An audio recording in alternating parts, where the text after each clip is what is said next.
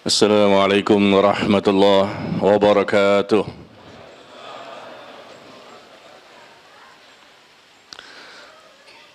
إن الحمد لله نحمده ونستعينه ونستغفره ونعوذ بالله من شرور أنفسنا ومن سيئات أعمالنا.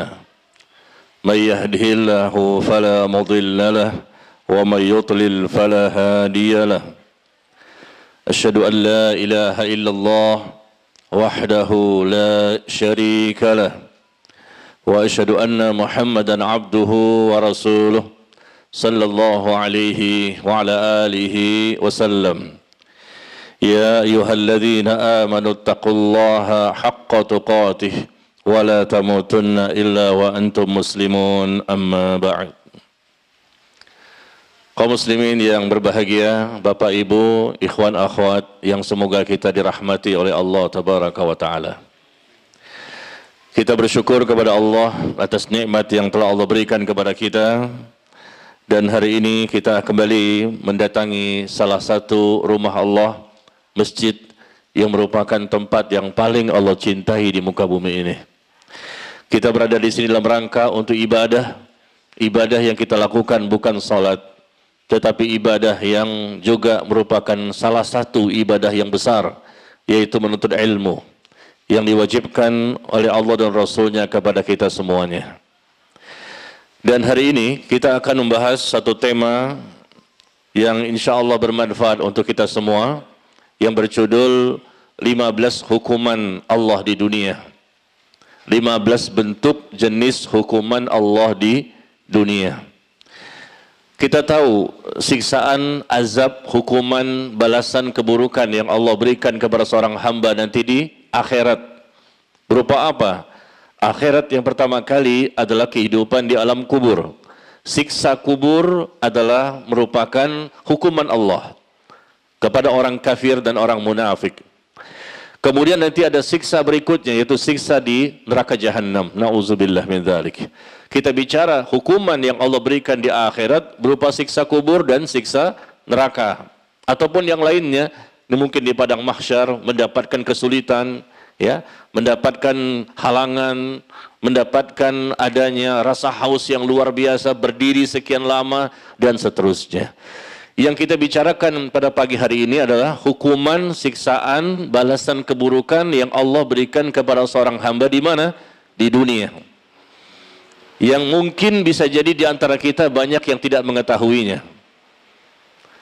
Yang kita tahu umumnya kaum muslimin atau manusia di mana pun mengetahui siksaan itu barangkali mungkin dengan adanya tsunami, adanya gempa bumi, adanya peristiwa gunung berapi atau banjir atau yang lainnya, rumah terbakar, ya, mobil kecelakaan di tol misalnya. Itulah barangkali kita lihat bentuk hukuman yang nyata. Seseorang melakukan dosa, kemudian langsung kelihatan hukuman. Ya, kita tahu itu hukuman dari mana? Karena memang sebelumnya dia pelaku dosa yang tidak pernah bertaubat, selalu bermaksiat. Ini hukuman yang paling gampang kita ketahui ya adanya orang-orang yang menerima balasan adanya musibah, malapetaka, bencana alam dan lain-lain. Nah, ternyata kita akan bahas ada hukuman yang Allah berikan kepada seorang hamba tidak selalu seperti itu. Di sini di fotokopian yang sudah dibagikan ada 15 ya. Tolong Bapak dan Ibu, ikhwan dan akhwat yang belum memiliki fotokopian minta kepada panitia ya. Ada 15 hukuman yang Allah berikan kepada hambanya di dunia. Di baik dia orang kafir maupun dia orang munafik. Ya, seorang muslim juga mendapatkan hukuman akibat kemaksiatan yang mereka lakukan dan mereka tidak bertobat kepada Allah tabaraka wa taala. 15 bentuk hukuman yang disadari atau tidak disadari. Nah, kita lihat dari 15 ini ternyata ada yang kita ketahui Mungkin bisa jadi na'udzubillah menimpa pada diri kita. Dan bisa jadi juga menimpa kepada orang lain. Na'udzubillah. Kita berlindung kepada Allah. Yang jelas kita baca di lembaran fotokopian paling atas. Allah menyebutkan di surah As-Sajadah. Di surah As-Sajadah ya. sebagai pembukaan mukaddimah uh, lembaran fotokopian ini di surah As-Sajdah ayat ke-21 Allah menyebutkan wala nudhiqannahu minal adzabil adna dunal adzabil akbar la'allahum yarji'un Allah menyebutkan dan pasti kami timpakan kepada kepada mereka sebagian siksa yang dekat di dunia sebelum mereka mendapatkan azab yang lebih besar nanti di akhirat agar mereka kembali ke jalan yang benar. Di sini Allah katakan bahwa kami timpakan, kami rasakan kepada mereka sebagian. Sebagian ya. Bukan semuanya. Siksa yang Allah berikan pun hanya sebagian, bukan semua dosa yang dilakukan oleh hamba tidak selalu seperti itu, tidak selalu seperti itu. Allah merasakan sebagian akibat dosa yang mereka lakukan, DP mukaddimah. Tapi nanti mereka akan mendapatkan azab hukuman yang lebih besar lagi di akhirat. Dan kehidupan akhirat yang pertama kali di alam kubur. Nah, dan semua bentuk hukuman ini dari nomor 1 sampai nomor 15 yang Allah berikan kepada hambanya di dunia terjadi dengan izin Allah. Wa ma asabakum min musibatin fabima kasabat aydikum wa ya'fu an katsir. Ya, Allah berfirman di surah ke-42. Di surah apa itu? Surah ke-42 ayat ke-30. Ya, 42 ayat ke-30 Allah mengatakan bahwa tidak ada satupun musibah yang menimpa kalian melainkan itu semua musibah terjadi akibat dari dosa-dosa kalian. Dan sebetulnya hakikatnya Allah mengampuni sebagian besar kesalahan kalian. Masya Allah.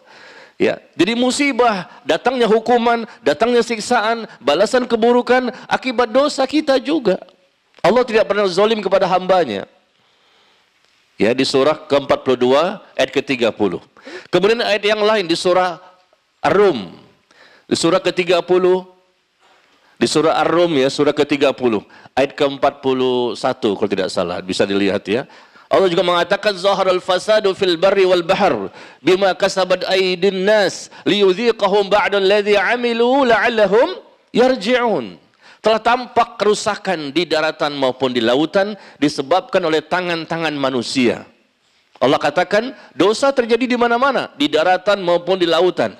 Manusia berbuat dosa dan maksiat dan akhirnya liyudhiqahum ba'dalladzi amilu, maka Allah rasakan sedikit sebagian sebagian dari dosa-dosa yang mereka lakukan ya dan mereka merasakan itu akibat dosa mereka sendiri. Agar apa? Agar mereka kembali. Jadi Allah memberikan hukuman itu, Alhamdulillah ada orang yang tidak sampai mati. Ada orang yang dimatikan langsung dengan siksaan hukuman di dunia, mati dia. Nggak kesempat untuk bertobat. Tapi ada orang yang masih hidup. Ya, yang dihidup masih hidup ini ada kesempatan la'allahum yarji'un agar mereka kembali bertaubat. Subhanallah ya. Jadi uh, informasi yang sangat detail Allah menjelaskan hukuman terjadi akibat dosa. Musibah yang datang kepada manusia akibat dosa. Musibah apa saja, terjadi di mana saja, itu semua akibat dosa. Tetapi Allah tidak memberikan hukuman tidak selalu sesuai dengan kadar dosa manusia. Yang Allah berikan itu sebetulnya sedikit hukuman kepada mereka di dunia, bukan semuanya hasil dari dosa yang mereka lakukan. Kalau andai kata Allah memberikan hukuman di dunia sesuai dengan kadar dosa manusia, habislah semua manusia. Nggak ada satupun yang hidup di muka bumi ini. Siapa pun manusia berbuat dosa, langsung dihukum, dihukum, dihukum, dihukum, disiksa, dibalas. Maka tidak ada yang hidup. Makanya Allah mengatakan walau yu'akhidullahu an-nasa bizulmihim ma taraka 'alaiha min dabbah di surah An-Nahl, surah 16, surah 16 ayat ke-61. Di surah 16 ayat ke-61 Allah menyebutkan seandainya Allah menghukum manusia, memberikan bentuk ya siksaan kepada manusia sesuai dengan kadar dosa manusia, sesuai tingkat kezolimannya, maka niscaya kata Allah tidak akan ditinggalkan makhluk melata satupun di muka bumi. Habis semuanya. Kalau sesuai dengan kadar dosa. Tetapi ternyata Allah berikan hukuman di dunia terkadang tidak sesuai dengan kadar dosanya. Bisa dipahami ya? Ya. Sebagian besar dimaafkan, sebagian besar diampuni. Terkadang Allah memberikan hukuman di dunia itu hanya sedikit, sebagian. Tapi kalau tidak juga mereka bertobat, tidak juga jerah, tidak juga kapok, enggak juga kembali kepada Allah, baru nanti Allah mengatakan bahwa mereka akan mendapatkan azab yang lebih besar dalam kehidupan akhirat. Ini sebagai mukadimah dulu kita ya, sebelum kita baca fotokopiannya. Jadi intinya semua musibah dan dosa akan diberikan hukuman jika tidak bertobat kepada Allah. Dan kalaupun terjadi hukuman dan ini hukuman adalah akibat dosa manusia itu sendiri dan semua musibah ya malapetaka, bencana, hukuman terjadi dengan izin Allah.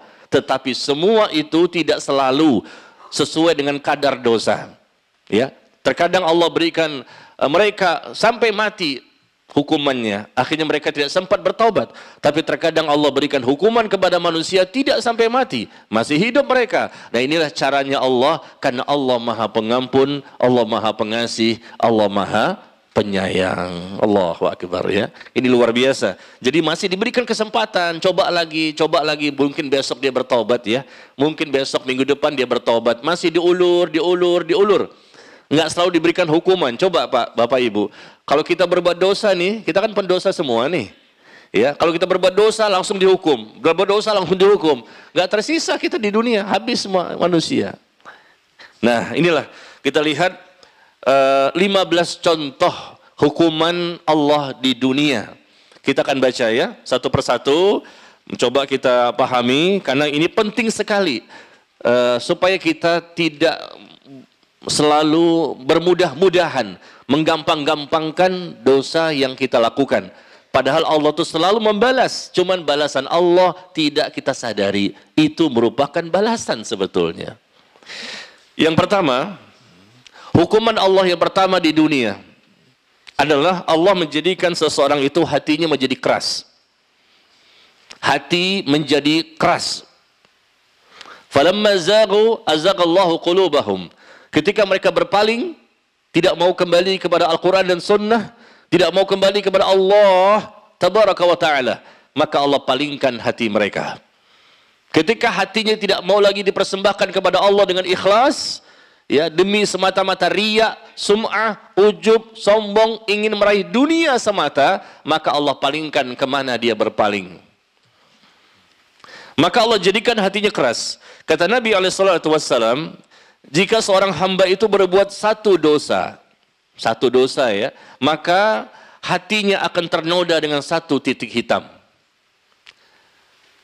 Satu dosa, satu titik hitam. Satu dosa, satu titik hitam. Jika ia bertobat, maka hatinya menjadi putih kembali. Tetapi jika dia bertambah-tambah dosanya, maka bertambah juga noda hitam di hatinya tersebut sebagaimana firman Allah kalla bal rana ala qulubihim ma kanu yaksibun. Sekali-kali tidak bahkan apa yang telah mereka kerjakan itu telah menutupi hati mereka. Maksudnya apa? Satu titik noda hitam di hati akibat satu dosa. Tambah lagi dosa dua titik hitam. Tambah lagi dosa tiga titik hitam. Tambah lagi dosa empat titik hitam. Lama-lama titik hitam ini menutupi semua hati. Karena mereka tidak bertobat Ketika sudah menutupi semua hati itu, maka hati tertutup menjadi gelap, menjadi hitam, menjadi keras, menjadi membatu, menjadi mati. Nah, ini hukuman Allah. Kenapa? Karena dosa yang dilakukan menjadikan satu titik hitam di hati seseorang. Dan ketika bertobat, hilang, bersih lagi, putih lagi. Tapi ketika tidak bertobat terus berdosa, tambah lagi titik hitam. Dan lama-lama titik hitam ini akan menutupi semua hati. Hati menjadi keras. Ketika hati menjadi keras itu hukuman. Akibatnya apa? Orang itu tidak mudah untuk menerima nasihat.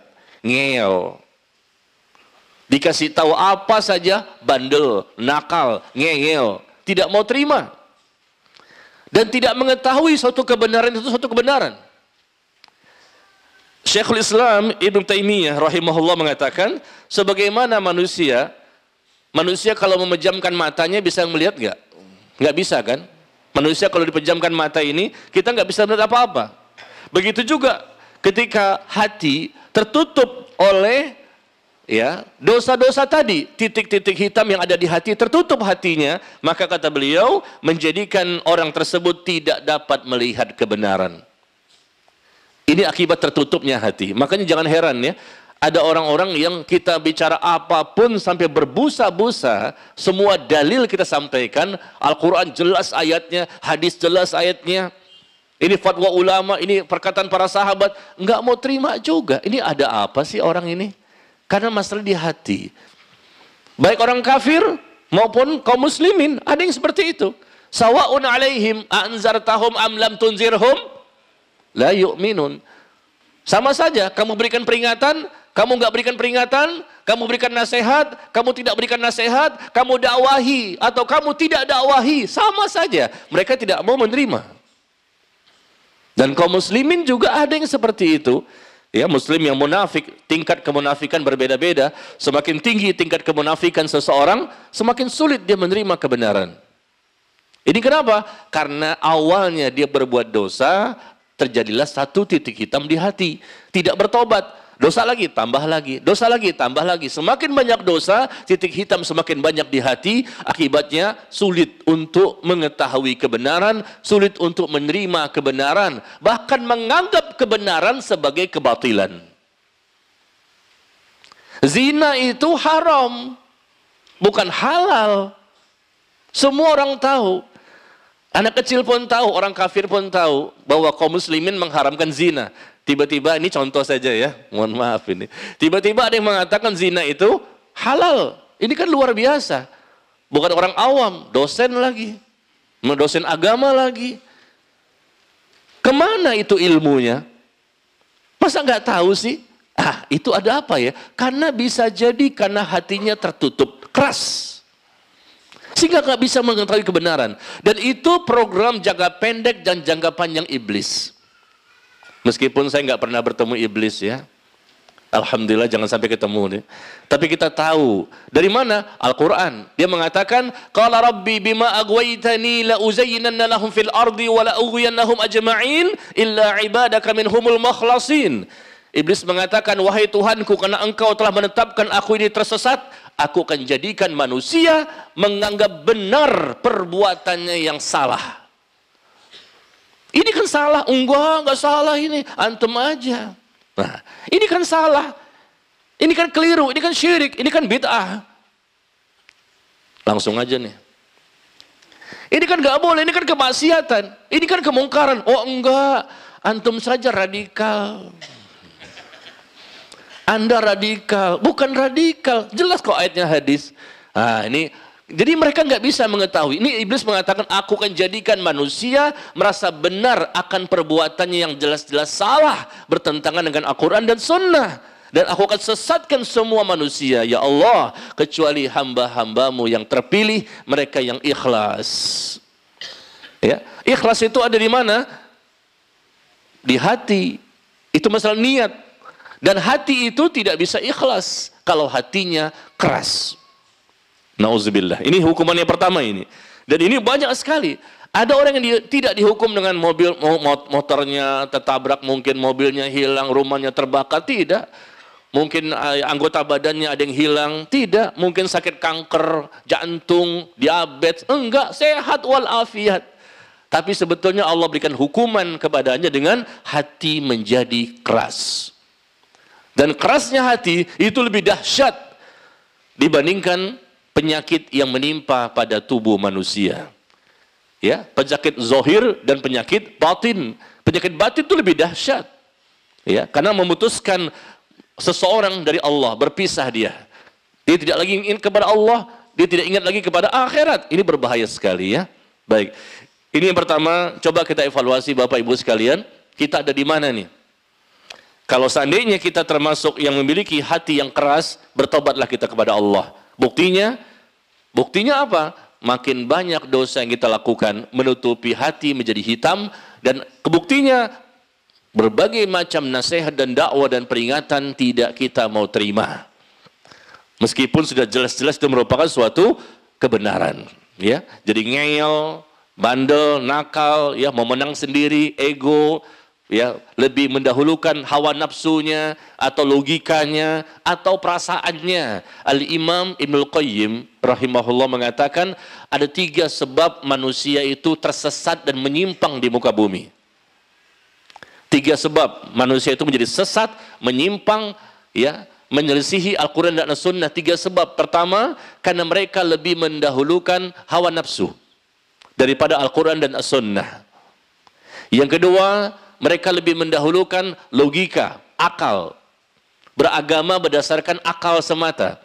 Menurut akal saya, nah memahami Quran pakai akal semata.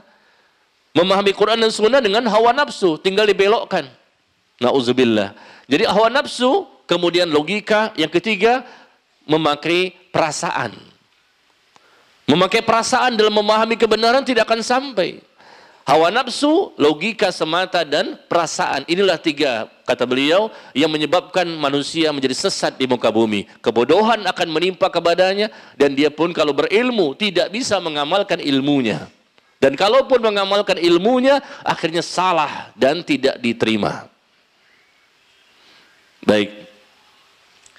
Yang kedua, hukuman yang kedua, sempitnya dada. Allah memberikan hukuman kepada hambanya dengan cara sempitnya dada, sesaknya dada. Artinya bukan dia susah bernafas ya. Wah oksigen kurang nih, langsung beli botol itu ya. Apa tuh tabung tabung oksigen. Tidak, bukan begitu maksudnya. Tetapi maksudnya adalah sempit dan sesaknya dada Allah jadikan orang tersebut seperti itu. Ya, kenapa? Dia menjadi tidak nyaman, tidak merasakan nikmat menjadi seorang muslim.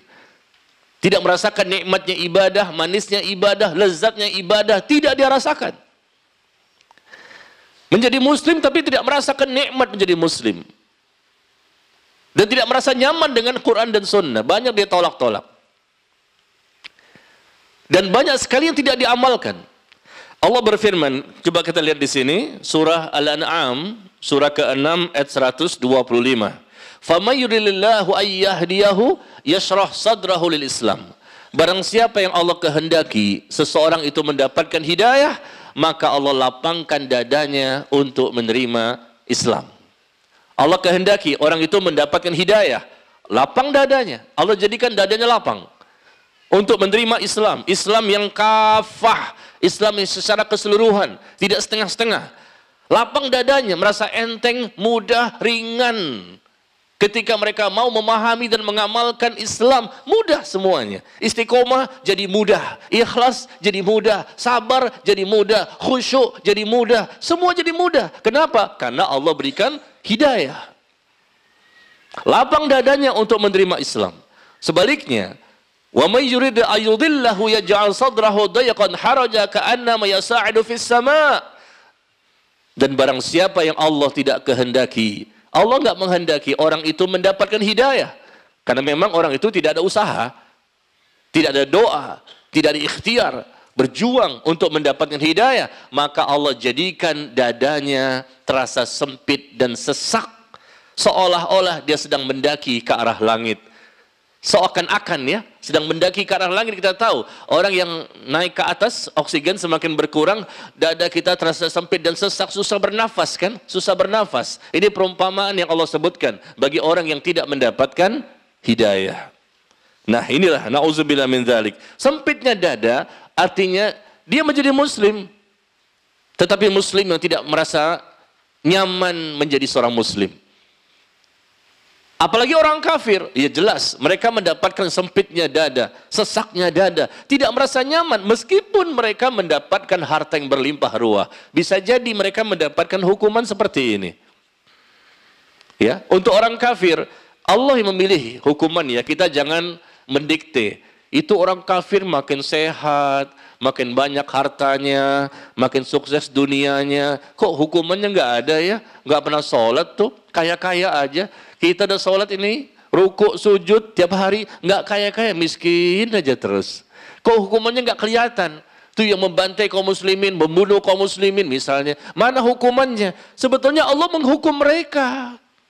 Cuman kan nggak memberi nggak memberi tahu pada antum. Ketahuilah hambaku, aku sedang menghukum mereka. Seperti apa? Salah satu dari 15 ini. Kita jangan mendekte Allah. Allah lebih tahu mana hukuman yang pas. Ada orang kafir yang diberikan hukuman langsung mati mereka, dibinasakan.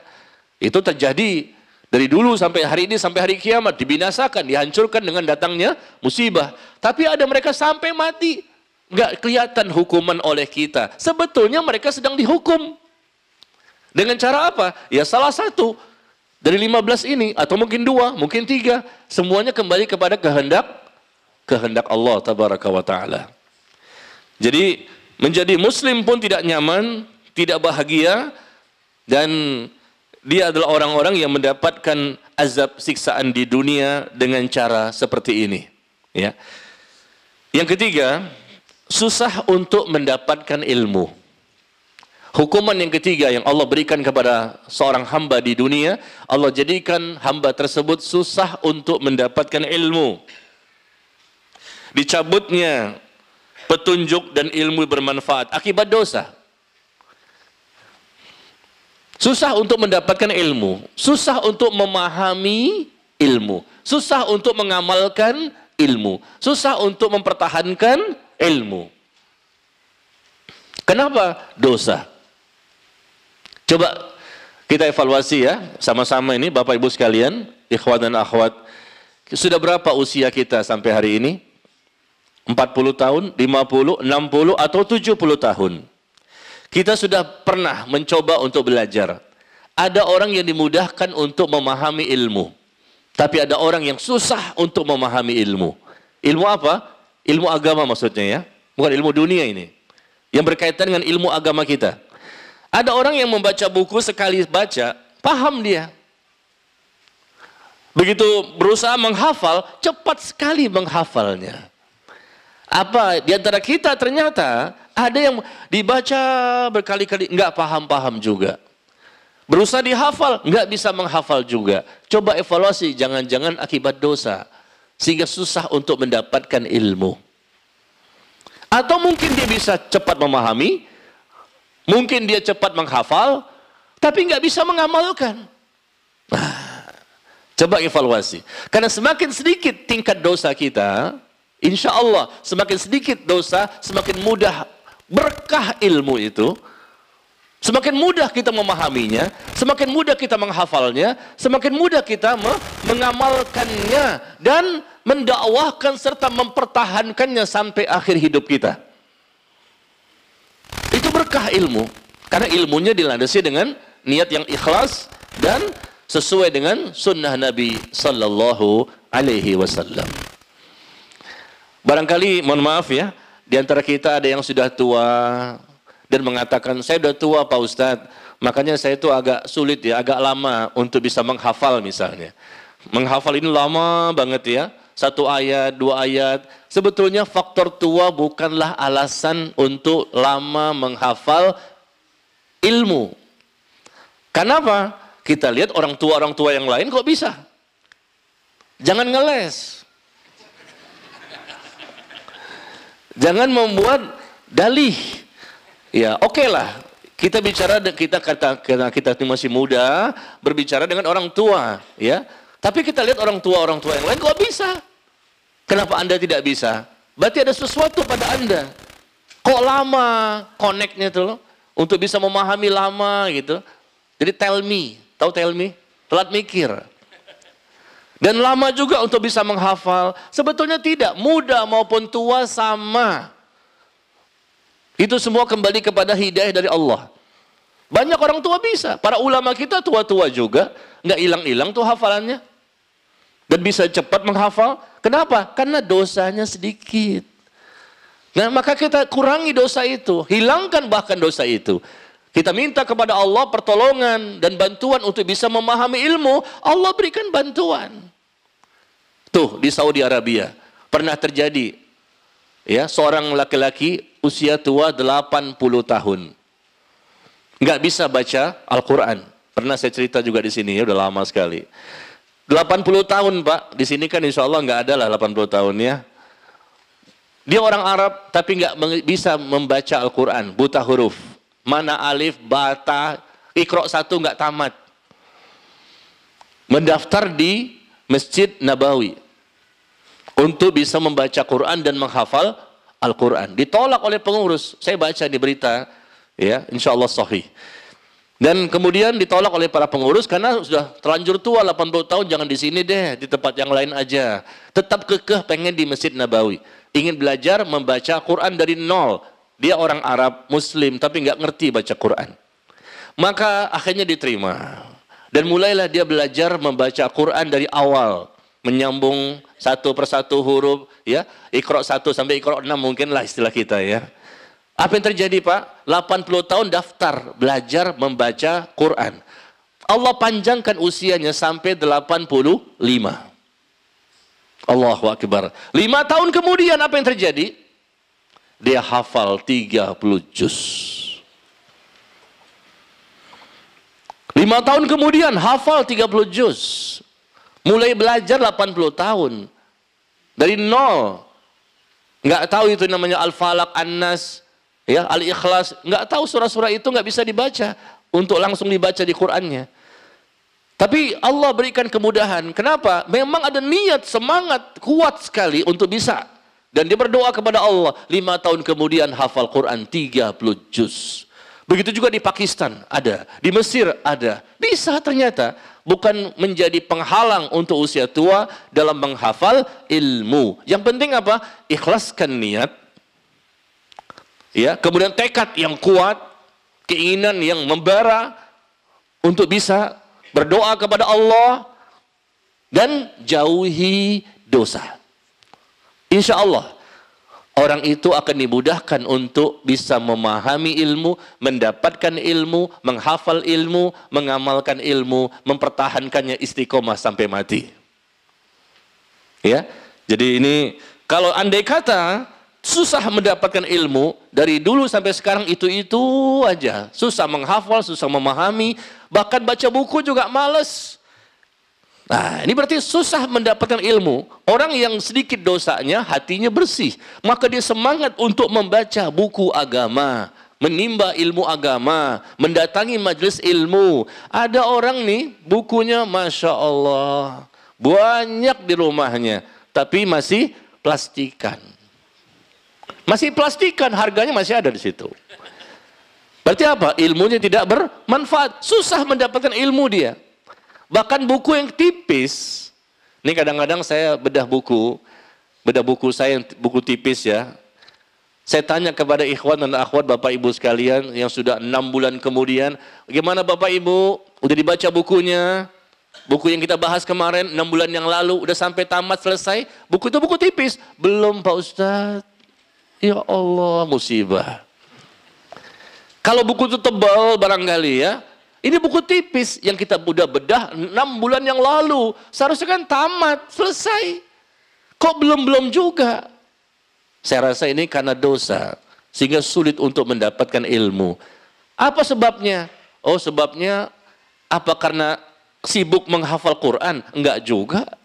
Sibuk menghafal hadis? Enggak juga. Apalagi kesibukan. Padahal buku yang setipis itu bisa dibaca. Dalam waktu yang seminggu selesai. Sebulan mungkin selesai. Tapi kenapa nggak selesai-selesai? Nah ini pertanyaan buat kita semua ini. Buku kita miliki di rumah tapi nggak dibaca. Kita beli atau mungkin dikasih orang. Itu nanti akan diminta pertanggungjawaban. Kenapa kita bisa seperti itu? Karena kita disuruh untuk menimba ilmu, mempelajari ilmu, mati-matian, habis-habisan seharusnya. Ilmu dunia sampai S3. Ilmu agama tingkat TK. Nggak nyindir nih, cuma nyinggung. Ilmu dunia sampai tingkat S3, Masya Allah, pakar ahli, silahkan tapi ilmu agamanya tingkat TK. Ini nggak tahu, ini nggak tahu, ini nggak tahu. Kok banyak nggak tahunya? Ke mana aja?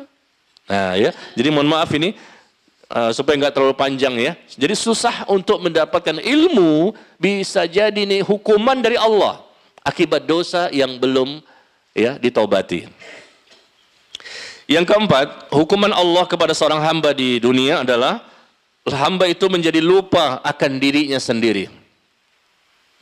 Hamba itu lupa akan dirinya sendiri bahwa dia itu seorang hamba. Dan dia punya pencipta. Dan dia akan diminta pertanggungjawaban akan kembali kepada Allah. Dan Allah menyebutkan di sini di surah Al-Hasyr ayat ke-99 uh, ayat ke-19 wala takunu kalladzina nasallaha fa ansahum anfusahum ulaika humul fasiqun. Dan janganlah kamu seperti orang yang lupa kepada Allah. Jangan lupa kepada Allah. Ya, sehingga nanti Allah jadikan. Nah, Allah jadikan berarti hukuman. Jangan kamu seperti orang yang lupa, nggak peduli, nggak perhatian kepada Allah pencipta kamu. Sehingga nanti Allah akan berikan hukuman dengan cara apa? Allah menjadikan mereka lupa akan diri mereka sendiri. Ya, melupakan Allah. Allah nggak butuh kepada manusia, tapi manusia yang butuh kepada Allah. Ketika mereka tidak butuh kepada Allah, lupa kepada Allah dan lupanya lama sekali. Dan ingatnya kapan? Ingatnya pas pensiun. Nggak nyindir nih. Ya. Ingat sama Allah kapan? Pas pensiun.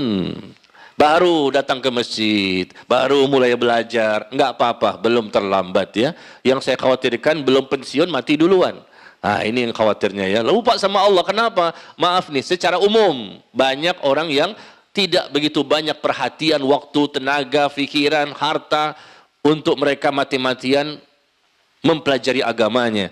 Biasanya mereka mulai agak perhatianlah kepada agama itu dan mulai ke masjid kapan?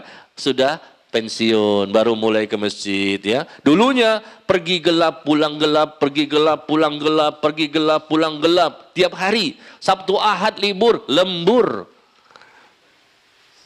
Ya, ini kan musibah namanya. Nah, ini kenapa? Bisa jadi naudzubillah karena mereka lupa kepada Allah sehingga Allah jadikan mereka lupa kepada diri mereka sendiri bahwa mereka itu wajib untuk ibadah, wajib untuk menuntut ilmu, wajib untuk bertobat dan lain-lain. Lupa mereka. Nah, ini hukuman ya. Nauzubillah. Yang kelima, terhapusnya nikmat. Hukuman yang kelima yang Allah berikan kepada seorang hamba di dunia yaitu terhapusnya nikmat.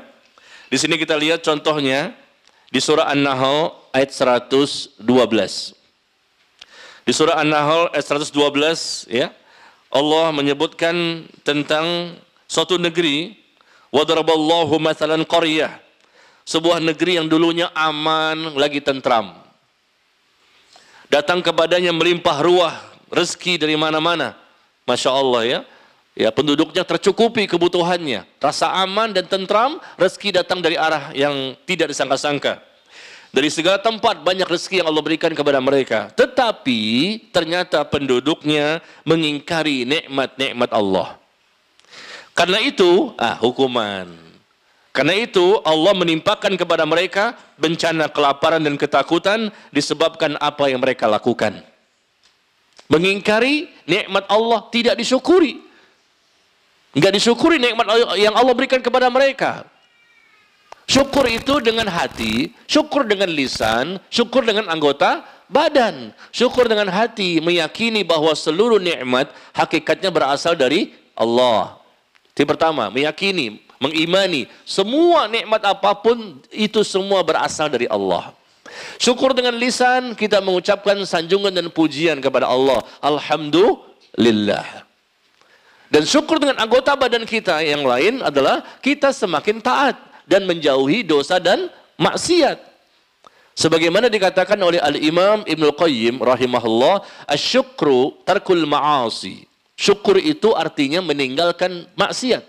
Syukur itu artinya meninggalkan dosa. Orang yang masih berdosa, yang selalu dosa, selalu dosa, maka hakikatnya dia belum bersyukur. Meskipun dia selalu mengucapkan Alhamdulillah, Alhamdulillah sampai sepuluh ribu kali. Seringkali mengucapkan Alhamdulillah, Alhamdulillah. Tapi maksiat jalan terus. ST, MJ. Sholat terus, maksiat jalan. Ya. Nah seperti ini ya. Maka penduduknya mengingkari nikmat Allah. Dosa zina ada. Dosa minum khamr ada. Korupsi di mana-mana. Kejahatan di mana-mana. Pembunuhan di mana-mana. Akibatnya yang dulu tentram, aman, rezeki mudah didapatkan. Subhanallah Terjadi nggak di zaman sekarang? Dulu orang tua orang tua kita dulu ya, anaknya berapa? 10, 15, 12, biasa-biasa saja. semuanya makan, semua tercukupi, semuanya bekerja, pergi pagi, pulang siang, pergi pagi, pulang sore, kerjanya santai mereka, tapi tercukupi semua anaknya ya. Tapi zaman sekarang anak cuma satu, anak cuma dua, kerjanya pergi gelap, pulang gelap. Kenapa? Semakin susah kehidupan ini. Kelaparan dan ketakutan, takut gimana nih? Sekarang aja udah begini kita nih, bagaimana besok? Gimana anak cucu kita ini? Sekarang aja udah begini, rasa ketakutan, takut nanti bagaimana nasib anak-anaknya. Ya, padahal rezeki Allah berikan dari Sabang sampai Merauke. Begitu banyak dan kita ini adalah termasuk negeri yang kaya. Saudi Arabia cuma minyak doang, bisa sekaya itu. Kita minyak dan lain-lain. Dilemparkan tongkat jadi tanaman. Lemparin coba coba lempar tongkat, nggak jadi taman juga. nggak jadi juga tanaman, tapi ini kan ibarat ya. Lemparin tongkat jadi tanaman. Nabi Musa lempar tongkat jadi ular. Kalau antum lempar tongkat jadi tongkat juga. Saking suburnya, butuh apa? Ada di Indonesia. Indonesia negara termasuk negara yang paling kaya di muka bumi. Berbagai macam sumber daya alam ada. Seharusnya menjadi salah satu negara paling kaya di muka bumi. Tapi ternyata apa yang terjadi? Mengingkari nikmat Allah dari penduduknya. Banyak yang kafir yang pertama. Yang kedua, muslim. Tapi muslimnya juga banyak pelaku kesyirikan. Atau muslim ternyata banyak pelaku kemaksiatan. Muslim tapi banyak juga pelaku kebid'ahan. Muslim tapi banyak juga pelaku kemungkaran. Muslim tapi juga banyak pelaku kesesatan. Bagaimana bisa Allah tambahkan lagi rezeki? Maka dihukum Begitu maksudnya ya. Baik. Yang keenam, hilangnya rasa aman.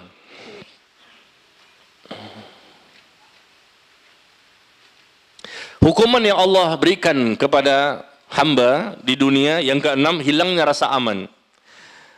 Alladzina amanu wa lam yalbisu imanahum bizulmin ulaika lahumul amnu wa hum muhtadun. Orang-orang yang beriman dan tidak mencampur adukan iman dengan syirik Iman murni akidahnya sahihah. Tidak dicampurkan dengan syirik. Ya, menjadi pelaku kesyirikan. Orang seperti ini, maka itulah orang-orang yang mendapatkan rasa aman dan mereka mendapatkan hidayah. Ya, kalau tidak mencampur adukan. Tapi kalau mencampur adukan antara iman dan syirik, maka mendapatkan kebalikannya. Tidak mendapat rasa aman dan tidak mendapatkan hidayah. Karena mencampur adukan dan ini banyak sekali terjadi ya. Tanggal sekian, bulan sekian, acara ini, acara itu, melarungkan sesajen di lautan. Apa KTP-nya? Islam. Tanggal satu Syuro, satu Muharram, keliling apa? Keliling keraton Solo bersama kebobule dan kotoran kebobule itu diperbutkan dan diusap di mukanya. Itu ada di YouTube. Kayak saya nggak fitnah loh. Saya bukan pelakunya. Gak mungkin. Ya, Bayangkan kerbau bule itu melingkari, memutari keraton Solo setiap tanggal 1 Muharram, satu Syurok kata mereka. Ini untuk apa? Supaya mendapatkan manfaat dan terhindar dari mudarat. Selama kerbau bule itu 8 9 ekor memutari, tentunya ada kotoran-kotorannya yang jatuh. Kotoran itu diperebutkan. Agamanya apa? Coba lihat KTP-nya. Islam. Melarungkan sesajen ke lautan untuk diberikan kepada Nyi Loro Kidul atau penguasa Laut Selatan dan lain-lain. Ah, datang ke kuburan-kuburan, minta-minta kepada penghuni kubur. Berikan kepada kami ini, berikan ini. Minta sama penghuni kubur. Bukan minta kepada Allah. Para penghuni kubur tidak bisa memberikan bantuan. Jasadnya, jenazahnya udah habis, dimakan oleh tanah. Rohnya hidup di alam kubur, bukan di kuburan. Beda antara kuburan dengan alam kubur. Alam kubur bukan di kuburan. Dan di alam kubur sana dia pun tidak bisa memberikan bantuan. Kenapa? Ya, karena Rasul, Rasul mengatakan kalau mati anak cucu Adam ini maka terputus. Dia tidak bisa memberikan ya tambahan-tambahan untuk amalnya sendiri, nggak bisa. Apalagi buat orang lain. Idza matal insan in qata anhu amaluhu illa min thalathah. Apabila manusia itu mati, maka terputuslah. Nggak bisa beramal untuk dirinya sendiri. Yang masih bermanfaat untuk dirinya apa? Ilmu yang dulu waktu dia masih hidup, pernah dia ya ajarkan ke orang lain dan orang lain masih mengamalkan ilmu tersebut. Yang kedua, sedekah jariah. Dulu waktu masih hidup dia pernah berinfak, bersedekah dan infak sedekahnya masih dirasakan oleh orang lain. Yang ketiga, doa dari anak yang soleh. Anak yang soleh, nggak soleh, nggak dapet, nggak nyampe doanya. Khusus anak soleh saja. Ya, maka anak itu hendaknya dijadikan soleh mereka. Soleh itu artinya baik. Ya, baik sesuai uh, agama, ya kembali kepada akidah yang benar, ibadah yang benar dan seterusnya. Jadi hilangnya rasa aman itu terjadi ya di mana-mana saat ini naudzubillah akibat dari orang-orang tertentu. Mungkin bukan kita pelakunya. Mungkin bukan kita insya Allah ya. Kita tidak mencabur adukan antara iman dan syirik. Betul-betul kita belajar tentang akidah yang benar. Mengikuti manhaj, cara, metode sebagaimana yang dipahami oleh Rasulullah dan para sahabatnya. Karena mereka adalah manusia terbaik di muka bumi. Bukan kita pelaku kesyirikan, tapi dampak perbuatan syirik orang lain itu yang kita khawatirkan kena kepada diri kita. Karena Allah mengatakan wattaqu fitnatan la tusibanna alladziina zalamu minkum khassah. Takutlah kamu. Kata Allah, takutlah kamu dengan ya fitnah yang tidak hanya ditimpakan kepada pelaku dosa dan maksiat saja. Hukuman tidak hanya ditimpakan kepada pelaku dosa dan maksiat saja. Takutlah kamu karena apa? Begitu datang hukuman bisa menimpa juga kepada yang lain karena kita ada di situ. Kita ada di situ. Sebetulnya tujuan ini hukuman kepada yang lain, pelaku-pelaku kesyirikan. Tapi kita ada di situ, akhirnya kena dampak juga kepada kita. Nauzubillah. Makanya kita wajib untuk amar ma'ruf, nahi mungkar. Jangan diam aja. Alhamdulillah, anak selamat. Ya, kita nggak berusaha untuk memperbaiki orang lain, nggak boleh. Karena nanti takutnya ada hukuman, kita juga kena.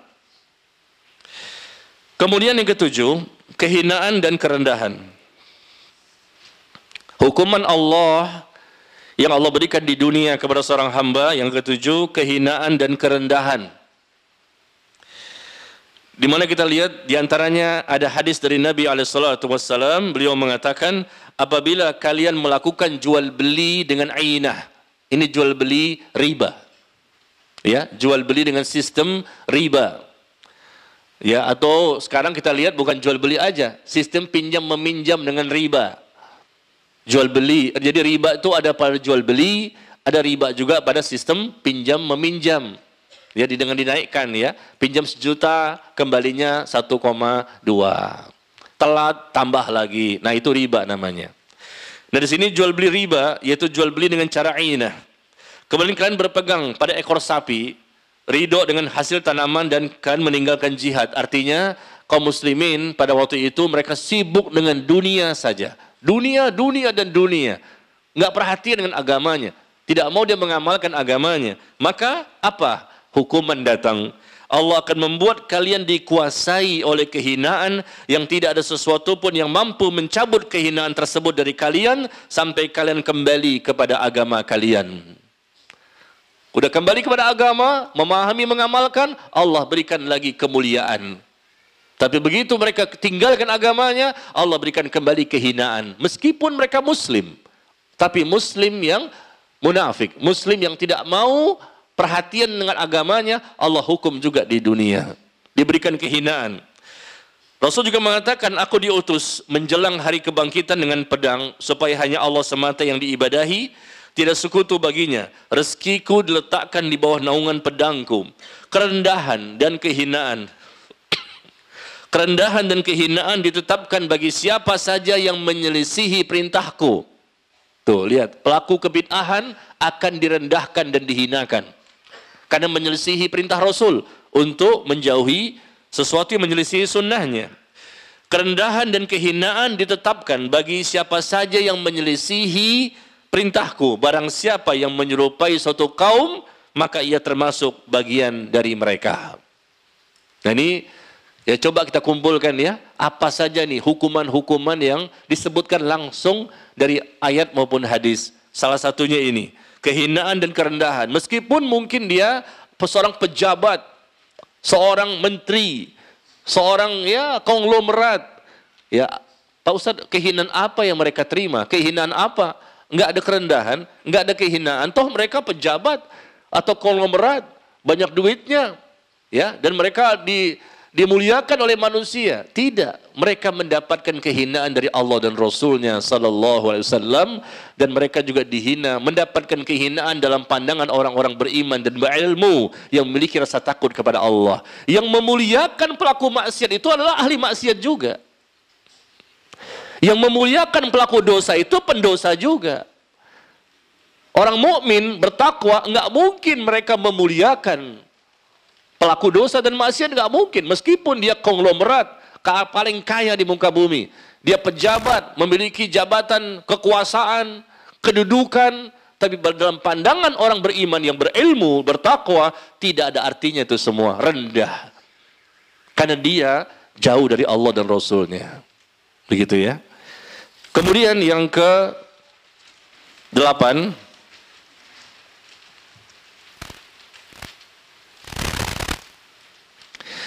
Hukuman yang ke-8 ya. Sabar ya Bapak Ibu ya.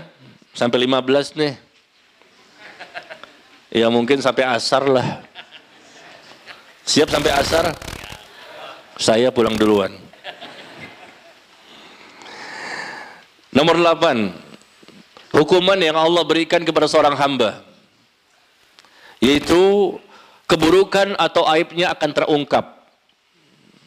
Keburukan atau aibnya akan terungkap ya dia mengungkap aib orang lain mencari-cari kesalahan orang lain ya menggibah orang lain Allah pun akan jadikan aibnya terungkap dan dia pun digibahi sama orang lain ini hukuman langsung tunai cash kontan di dunia kita lihat saudara kita tetangga kita, teman kita, atau orang lain. Kisah-kisah seperti ini banyak di masyarakat.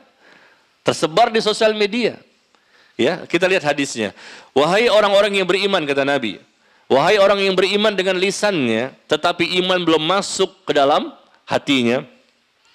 Janganlah kalian menggibahi kaum muslimin. Menggibah artinya membongkar aib mereka. Membongkar kekurangan-kekurangan mereka. Membongkar dosa-dosa mereka yang sebetulnya manusia nggak tahu jadi tahu dengan sebab kita. Nauzubillah. Itu namanya menggibah. Dan gibah akan dibalas di dunia dan mendapatkan siksa kubur. Jangankan menggibahi kaum muslimin, jangan pula mencari-cari aib mereka. Karena sesungguhnya barang siapa yang mencari-cari aib mereka, niscaya Allah pun akan mencari-cari aibnya. Dan barang siapa yang dicari-cari aibnya oleh Allah, niscaya dia akan menyingkapkan, Allah akan singkapkan ya aibnya tersebut meskipun ia berada di rumahnya. Kita juga banyak aib, kita juga banyak dosanya. Tapi kita demen ya, Sedang gitu mengungkapkan aib orang lain. Apalagi kalau sudah merumpi ya ibu-ibu ya. Arisan, ketemu arisan, ngerumpi. Eh tahu nggak? Si Fulan itu, tahu nggak? Gitu, begini, begini, begini. Eh tahu nggak? Dia tuh begitu, begitu, begitu. Masya Allah. Yang awalnya cuma kita sendiri yang tahu. Akhirnya tersebar lewat kita. Kekurangan orang lain, dosa orang lain, aib orang lain. Allah akan balas. Di dunia. Kenapa? Zalim. Zolim itu zolim kepada kepada sesama manusia. Dan ada tiga dosa kata Nabi. Tiga dosa yang akan disegerakan hukumannya, balasannya bagi pelakunya di dunia. Dosa-dosa yang lain bisa jadi dibalas di dunia atau mungkin sekaligus nanti di akhirat. Tapi ada tiga dosa yang langsung dibalas di dunia. Sebelum dia mati akan merasakan dulu balasannya. Ada tiga dosa. Kalau selama dia tidak bertaubat tentunya. Pertama dosa al-baghyu, zalim. Kedua, uququl walidain, durhaka kepada kedua orang tua. Yang ketiga, memutuskan tali silaturahim. Tiga dosa ini tunai cash kontan di dunia. Zalim, zalim kepada Allah, zalim kepada Rasulullah, zalim kepada sesama makhluk. Ya, termasuk ini gibah ini zalim. Allah akan balas. Yang kedua, durhaka kepada kedua orang tua, ketiga memutuskan tali silaturahim. Ini hadis yang dikeluarkan oleh Al-Imam Al-Bukhari dalam kitabnya Al-Adabul Mufrad. Maka berhati-hati kita ya, jangan kita ini suka membongkar aib orang lain. Ya, menceritakan tentang kekurangan orang lain. Kadang-kadang suami menceritakan tentang istrinya. Istri anak itu begini, begini, begini. Nah, kenapa diceritain? Anak-anak, anak pun diceritain kekurangannya dosanya. Istrinya pun nggak mau kalah, berlomba-lomba dengan suaminya. Kata istrinya, suami saya itu begitu juga. Suami saya itu pelit banget. Masya Allah. Bakhil, kedut, koret. Istri menjelekkan suaminya. Ini begini dan begini. Orang nggak tahu jadi tahu. Ini kan masalah rumah tangga. Yang tahu mereka. Tapi mereka ceritakan ke orang lain. Kekurangan, dosa, aib suaminya. Ada nggak terjadi itu bu? Ada nggak yang begitu? Ada di sini? Coba sebutkan, angkat tangannya. Kalau di sini mungkin nggak ada ya bu ya. Ya, kalau di sini insya Allah soleha semua ya. Iya. Kalau ibu-ibu ini kalau disebut soleha seneng pak. Mereka nggak mau disebut soleh. Ya, hati-hati ya. Jangan kita membongkar aib orang lain, menggibah, mencari-cari kesalahan mereka yang awalnya manusia tidak tahu jadi tahu dengan sebab kita kita share di sosial media. Nah, so akhirnya semua orang tahu. Allah akan balas. Kita pun nanti naudzubillah akan juga dibongkar aib kita oleh orang lain. Ya. Yang kesembilan, hukuman yang Allah berikan kepada seorang hamba di dunia adalah Allah biarkan setan untuk menggodanya. Setan mengganggunya. Dan di sini kita lihat ayatnya ya. Wa may ya'shu an rahman nuqaid lahu syaitanan fahuwa lahu qarin. Barang siapa berpaling dari pengajaran Allah yang Maha Pengasih, kami biarkan setan menyesatkannya dan menjadi teman karibnya. Tuh, hukuman. Barang siapa berpaling, makanya jangan berpaling. Ya, kalau berpaling dari Al-Qur'an dan As-Sunnah, maka Allah pun akan biarkan setan untuk menyesatkannya. Dibiarkan oleh Allah tanpa penjagaan. Tanpa perlindungan. Kenapa? Karena dosa. Nauzubillah min dzalik ya.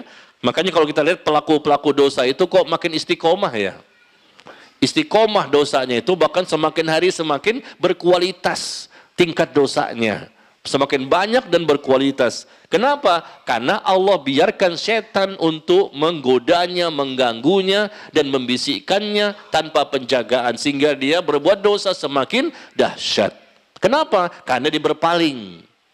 Berpaling berarti dosa. Yang ke sepuluh, hukuman yang Allah berikan kepada seorang hamba di dunia adalah menyebarnya wabah baru, penyakit baru, penyakit menular bisa jadi. Ya, kata Nabi SAW, tidaklah nampak zina di satu kaum. Tidaklah nampak zina di satu kaum yang dilakukan secara terang-terangan. Bukan lagi sembunyi-sembunyi ya, terang-terangan zina itu, maka akan tersebar di tengah-tengah mereka taun, wabah, dan penyakit-penyakit yang tidak pernah menjangkiti generasi sebelumnya. Sekarang mungkin kita kenal dengan apa? Penyakit AIDS. Sampai sekarang belum ada obatnya penyakit AIDS, mungkin spilis, mungkin penyakit kelamin dan lain-lain. Di mana ada zina, zina tersebar dan terang-terangan dilakukan. Allah berikan hukuman adanya penyakit yang bisa menular dan penyakit itu belum ada pada zaman-zaman sebelumnya. Ini hukuman. Dan sekarang sudah terbukti. Zina itu bukan lagi sembunyi-sembunyi, terang-terangan.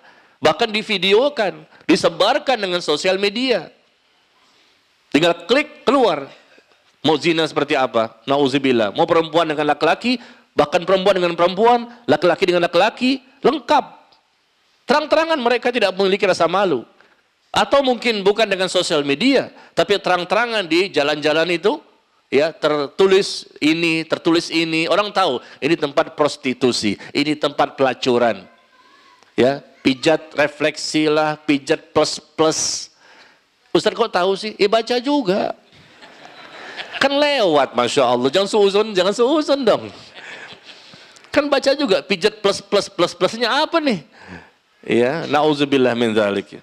Jadi banyak cara sebetulnya untuk mereka menarik perhatiannya mudah, murah, sama-sama senang, yang penting sama-sama ridho dan ikhlas. Bayaran, ke, bahkan terkadang nggak pakai bayaran pun boleh. Saya pernah naik taksi Bluebird. Saya naik ke Bluebird dan saya ngobrol-ngobrol dengan tukang taksi tentang akhirnya ujung-ujung ke agama. Dia nanya-nanya terjadi soal jawab dari perjalanan sampai tujuan terjadi soal jawab dan dia pun menceritakan pengalaman dia yaitu adanya perempuan-perempuan yang kadang-kadang naik ke taksinya dan minta diantar ke tujuan. Sampai di tujuan dia katakan, "Pak, maaf, saya nggak punya duit." Lah, gimana, Neng? Duitnya mana?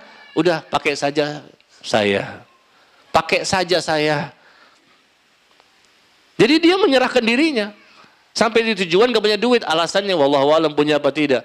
Jadi gimana Bapak? Saya nggak mau Pak, dosa itu. Saya punya anak istri di rumah. Bagus. Ya mudah-mudahan jujur tuh. Karena karena dia bilang saya nggak mau si wanita ini mengatakan saya nggak punya duit pak ya udah pakai aja saya si supir itu mengatakan wah cantik juga ya tapi gimana ya saya takut dosa pernah ada lagi cerita kedua di supir yang lain saya naik ya begitu dia naik mau antar ke mana mbak antar ke mana saja yang bapak inginkan Hah? Mbak mau ke mana? Setelah terserah Bapak aja, antara saya ke mana aja. Nah, kok begitu? Artinya apa? Menyerahkan dirinya. Gratis. Coba kalau antum begitu. Wah, kesempatan. Kesempatan apa? Untuk mendakwahi. Itu loh, seuzon amat. Wah, kesempatan apa? Untuk mendakwahi, menasehati. Wah, itu fitnah luar biasa, Pak. Nauzubillah min zalik ya. Fitnah itu ada di mana-mana. Orang yang, maaf ya Bu ya, wanita-wanita yang suka memancing-mancing atau menebarkan syahwat dan mengajak untuk berzina itu ada di mana-mana. Yang udah ngaji, maaf ya, itu pun ada. Iya, ini saya dapat info dari banyak orang. Ustadznya pun digoda untuk diajak zina. Ustadz sunnah, termasuk saya. Pernah saya diajak zina oleh seorang wanita yang udah ngaji. Ya, saya cerita di sini buka kartu nih. Tapi saya nggak mau lah, nauzubillah min dalik. Di rumah sudah ada bidadari.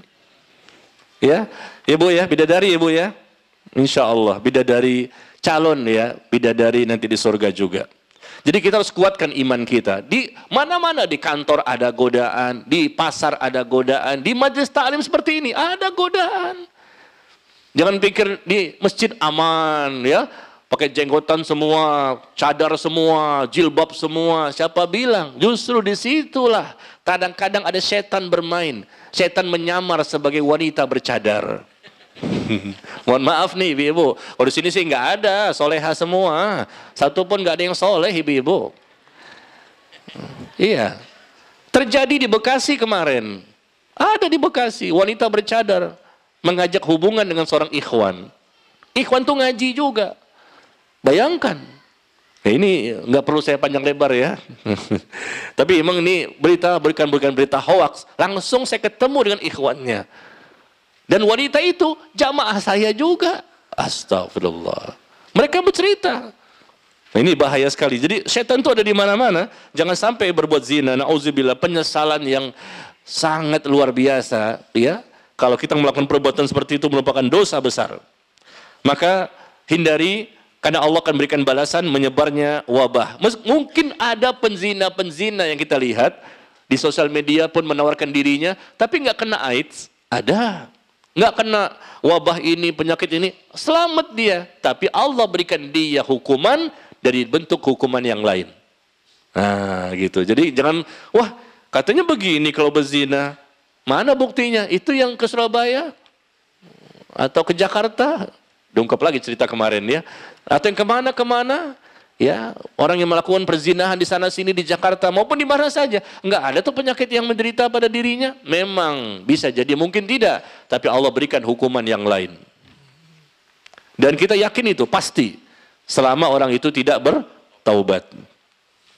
Yang ke-11, mendapatkan sanksi syariat. Hukuman Allah yang Allah berikan kepada hambanya di dunia mendapatkan sanksi syariat. Seperti mencuri, maka akan dipotong tangannya kan? Dalam hukum Islam kan seperti itu, sanksi syariat. Mencuri, potong. Berzina, belum nikah, dicambuk sebanyak 100 kali dan diasingkan selama satu tahun. Dan begitu juga orang yang membunuh dengan sengaja, maka kisos dengan cara dibunuh juga. Nah ini hukuman kalau tegak hukum Islam. Maka seperti ini dan itu hukuman yang Allah berikan kepada mereka di dunia. Nah di Indonesia kita nggak lihat ya mencuri potong tangan, berzina dicambuk seratus kali, bahkan yang sudah menikah berzina dirajam sampai mati, ada nggak? Nggak ada. Yang membunuh dibunuh juga, mungkin nggak ada juga, paling 15 tahun, 10 tahun di penjara, ya. Tapi mana hukumannya? Ya karena nggak ada di Indonesia tegak seperti itu, tapi dia mendapatkan hukuman yang lain. Gitu loh. Jadi jangan kita merasa bahwa uh, perbuatan seperti itu tidak ada hukumannya. Kemudian yang ke-12, hukuman yang Allah berikan pada seorang hamba di dunia adalah doa tidak dikabulkan. Doa tidak dikabulkan. Nauzubillah. Nabi menyebutkan tentang seorang laki-laki yang melakukan perjalanan safar. Perjalanan safar ya. Safar, musafir. Musafir itu adalah orang-orang yang punya peluang yang besar untuk dikabulkan doanya. Dan dia angkat tangannya, Ya Rab, Ya Rab, wahai Tuhanku. Dia berdoa sama Allah. Dan peluang doa dikabulkan besar. Kenapa? Musafir. Salah satunya, kata Nabi, peluang doa dikabulkan besar itu musafir. Atau doanya orang tua pada anaknya. Atau doa orang yang dizolimi. Tapi ketika itu dia berdoa, ya nggak dikabulkan doanya. Kenapa? Makanannya haram, minumannya haram, pakaiannya haram, ya dan dia pun diberikan diberikan nafkah dari nafkah yang haram, bagaimana doanya akan dikabulkan? Karena doa, doa itu adalah ibadah, ibadah yang paling utama, paling mulia, ternyata tidak dikabulkan. Begitu juga ya, ibadah-ibadah yang lain bisa jadi juga tidak dikabulkan akibat dari dosa. Makanannya haram. Hasil korupsi, hasil menipu, berbuat curang, berbohong, ya, timbangannya beda. Makan harta riba, makan harta anak yatim. Ya, lihat orang yang makan harta riba, coba antum lihat. Yang makan harta riba kok masih sehat ya? Pakai dasi, pakai jas, wah, rambutnya kelimis, Masya Allah ya. Kita lihat penampilannya oke okay lah. Gajinya mungkin 20 juta, 30 juta, tapi kerja di tempat yang penuh dengan riba. Mana hukumannya? Hukumannya apa? Salah satunya doa nggak akan diterima ibadah nggak diterima. Dan bisa jadi yang lain. Hati menjadi keras dada menjadi sempit. Susah mendapatkan ilmu atau yang lainnya. Nah, jadi jangan merasa bahwa wah riba betul-betul riba dia makan itu. Hasil dari gajinya gaji riba. Tapi kok nggak kelihatan ya dia mati gitu. Disabar petir misalnya. Jangan begitu. Kita nggak boleh mendikte Allah. Karena Allah biasa memberikan hukuman sesuai dengan apa yang Allah kehendaki. Kemudian yang ke-13 Hukuman yang Allah berikan kepada seorang hamba di dunia yang ke-13 yaitu Allah biarkan orang tersebut melakukan dosa berikutnya. Nah, ini yang paling banyak nih. Dan kita mungkin pelakunya nauzubillah. Nauzubillah. Nas'alullah as-salama wal afiyah. Bahwa orang yang berbuat dosa kemudian tidak mau bertobat. Allah hukum dia dengan cara Allah biarkan dia melakukan dosa berikutnya. Wa jazaa'u sayyi'ah sayyi'atu mithluha. Balasan dari dosa, hukuman dari dosa adalah dosa. Bisa jadi kita berbuat dosa tadi pagi akibat dosa tadi malam. Berbuat dosa tadi pagi akibat dosa seminggu yang lalu. Itu hukuman yang kita belum bertobat kepada Allah dengan tobat nasuha. Balasan dari dosa adalah dosa. Itu hukuman. Kalau orang itu bertobat, kembali kepada Allah, dia beristighfar, minta ampun, berusaha keras memperbaiki dirinya, maka dosa-dosa yang lalu diampuni dan dia terjaga untuk melakukan dosa berikutnya terjaga imannya, terjaga hatinya, terjaga agamanya, terjaga anggota badannya, matanya terjaga, hatinya terjaga, telinganya terjaga, lisannya terjaga, tangan kakinya semuanya terjaga. Kenapa? Karena dia menjaga Allah. Allah menjaga dia. Ihfazillah yahfazka. Ihfazillah tajidhu tujahak. Jagalah Allah, maka Allah akan menjagamu. Jagalah Allah, maka niscaya engkau akan dapatkan Allah berada di hadapanmu. Iya. Hati-hati ini kita dengan poin yang ke-13. Bisa jadi kita ini pernah merasakan ini, naudzubillah. Ya. Akibat dosa tidak ditobati dengan benar, Ya banyak orang mengatakan, saya udah tobat Pak Ustadz, tapi mungkin tobatnya nggak diterima. Saya udah tobat, tapi tobat nggak diterima. Kenapa? Cara tobatnya salah. Maka tobat kita harus berilmu, ya, dengan cara yang sesuai syariat. Yang keempat belas, hukuman yang Allah berikan kepada seorang hamba di dunia, yang keempat belas adalah diturunkannya siksa. Nah, kalau ini paling gampang kita mengetahui ya, adanya siksa. Siksaan yang Allah berikan dalam bentuk beraneka ragam. Kita lihat di sini surah Al-Ankabut surah Al-Ankabut ayat ke-40 Allah mengatakan maka masing-masing mereka kami azab karena dosa-dosanya. Di antara mereka ada yang kami timpakan kepadanya hujan batu kerikil, ada yang ditimpakan suara keras yang mengguntur, ada yang kami benamkan ke dalam bumi, ada pula yang kami tenggelamkan.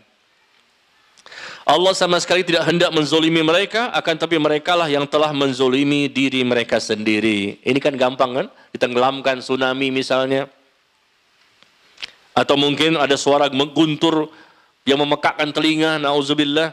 Ya, dibenamkan ke dalam bumi seperti peristiwa kemarin ya, tanah longsor lah di Petobo kemarin.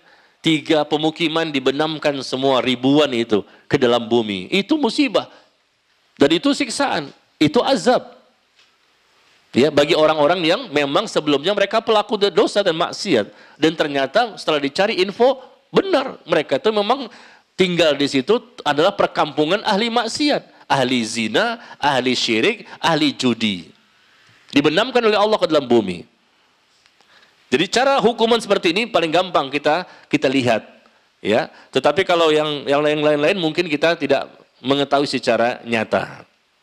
Yang kelima belas, Hukuman yang ke-15 yang Allah berikan kepada seorang hamba di dunia adalah kalah dalam peperangan.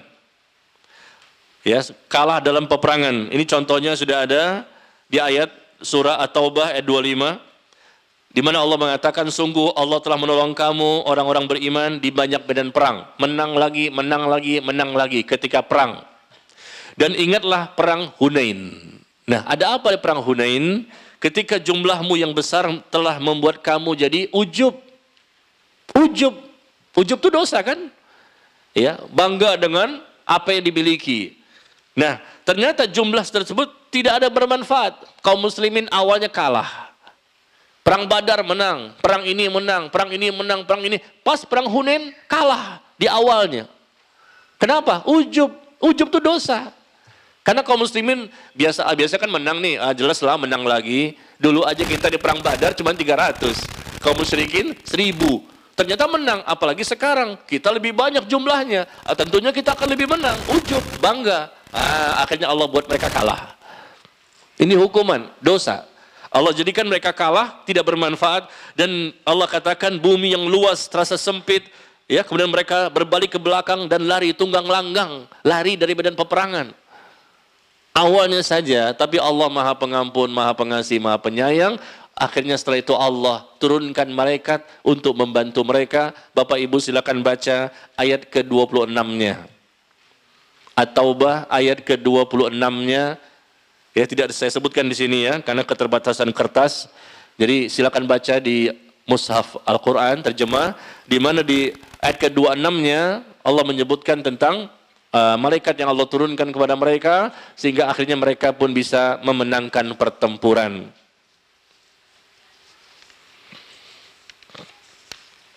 Ya, inilah kurang lebih 15 hukuman Allah di dunia yang saya coba sampaikan pada pagi hari ini kepada Bapak Ibu sekalian yang berbahagia dan apa tujuannya agar kita memahami bahwa Allah itu memberikan siksa, hukuman, balasan keburukan bukan hanya di akhirat, juga di dunia. Dan semoga mudah-mudahan dengan tema seperti ini ya kita harapkan kita bertambah rasa takut kepada Allah dan tidak berani berbuat dosa. Ya, kita masuk kepada sesi tanya jawab.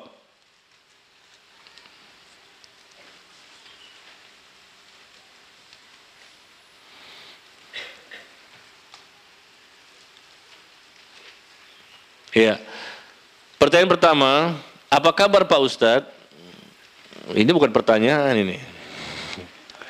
Tanya juga ya. Apa kabar Pak Ustadz? Semoga selalu sehat. Alhamdulillah. Ya, doakan dia semoga selalu sehat, zohir dan batin. Sehat itu bukan hanya sehat badan saja, tapi juga sehat nggak punya dosa. Itu loh yang lebih penting. Makanya di antara para sahabat Nabi, ketika bertemu tuh nanyanya apa kabar kaifa imanu yaum? Bagaimana kabar iman kalian pada hari ini? Bagaimana kabar imanmu pada hari ini? Ditanyanya iman. Kalau zohir sih ya, kalaupun sakit ya insya Allah didoakan juga. Tapi iman ditanya terlebih dahulu. Gimana kabar iman? Nah seharusnya yang bertanya ini, nanya ke saya begitu. Pak Ustadz bagaimana kabar iman Pak Ustadz pada pagi hari ini? Begitu loh. Pak Ustadz masih banyak dosa enggak? Ah gitu. Kenapa? Saya udah sedikit. Gitu nanyanya ya. Pak Ustadz ada seorang istri ada seorang istri bila menasehati suaminya untuk kebaikan dengan keras. Apa berdosa Pak Ustadz? Ya jangan keras-keras lah Bu. Menasehati suami jangan keras. Suami gak terima. Kasar, keras, intonasi yang tinggi. Maaf, saya mewakili para suami. Para suami tidak mau diperlakukan seperti itu. Ya meskipun suaminya salah. Dan dia tahu dia salah. Tapi cara istri menegurnya, menasehatinya, mendakwahinya dengan suara yang tinggi, keras, kasar. Wah sudah, keluar itu tanduknya. Keluar taringnya. Kalau dia termasuk apalagi suami yang tidak bisa sabaran gitu, akan marah juga dia. Ya makanya caranya, ibu dengan cara nasihatinya dengan cara yang elegan, lemah lembut, sampaikan dengan tegas, bukan keras. Bedakan antara keras dan tegas. Tegas tuh ya hitam-hitam putih-putih, nggak boleh abu-abu. Yang salah-salah kita salahkan, tapi cara penyampaiannya dengan lemah lembut. Ya, dan insya Allah suami mau berubah. Dan sampaikan juga kalau perlu, kalau nggak berubah-ubah juga, ibu nangis di situ. Begitu suami melihat tetesan air mata istrinya, luluh dia. Dan akhirnya semakin semakin mau mengikuti perkataan istrinya. Pak Ustadz, saya udah pernah nangis juga, nggak ngaruh tuh. Nggak ngaruh. Ya, iya namanya kan usaha, itu ujian namanya. Dengan lemah lembut, penyampaian tegas, dan nenteskan air mata, doakan dia, dan satu lagi yang ibu mungkin lupa. Sebelum menyampaikan nasihat dan dakwah kepada suami, oh, lakukan ini, apa? Berikan kebaikan kepadanya. Berikan, tanamkan dulu kebaikan-kebaikan, berikan pelayanan, ya, berikan sesuatu yang menyenangkan hatinya. Setelah itu baru ibu ngomong. Ya, jangan berikan karena ibu tahu suami ini berbuat dosa, pelanggaran, maka tidak diberikan perhatian. Makan pagi nggak ada, siang nggak ada, malam nggak ada. Gimana nih? Cari sendiri.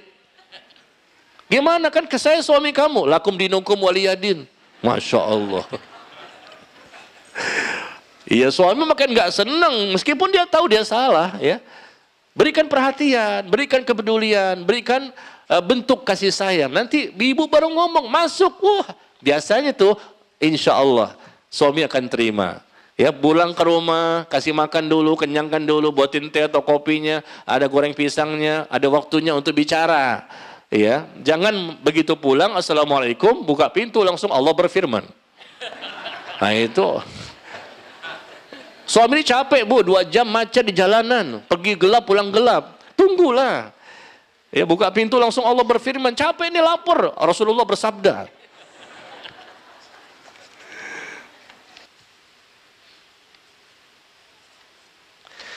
Ustadz karena jengkel tidak diajak salaman, saya mau berusaha berus, mau berusaha aibnya. Mengapa? Saya mau berusaha aibnya tapi belum jadi. Karena jengkel, tidak diajak salaman, saya mau berusaha aibnya. Apa? Berusaha membuka gitu ya. Nanya aja salah. Eh, capek deh. Ustadz tuh udah capek bu. Jangan dibawa capek lagi. Capek cara bacanya udah salah. Kita mikirin apa nih maksudnya nih. Musibah. Karena jengkel, nggak diajak salaman. Saya mau berusaha membongkar aibnya gitu. Membongkarnya nggak tertulis, tapi ini dalam ya pemahamannya begitulah. Tapi belum jadi. Bagaimana saya mau tobatnya Ustadz? Kan masih di hati kan? Pengen saya bongkar aib ini. Ustadz disaljak salaman nggak mau. Ya saya bongkar aja di hati. Maka ketika di hati belum dianggap berdosa. Baru di hati saya bongkar. Ada ada keinginan hati, belum dianggap berdosa. Dosa itu kalau kita sudah lakukan. Nah itu baru dosa ya. Masya Allah dalam Islam luar biasa. Tapi kalau kebaikan, kebaikan baru di hati saya niat untuk memberikan kepadanya sedekah. Niat, udah tercatat pahalanya. Ya, dilakukan, makin tambah pahalanya. Tapi kalau dosa baru niat di hati, belum tercatat dosa.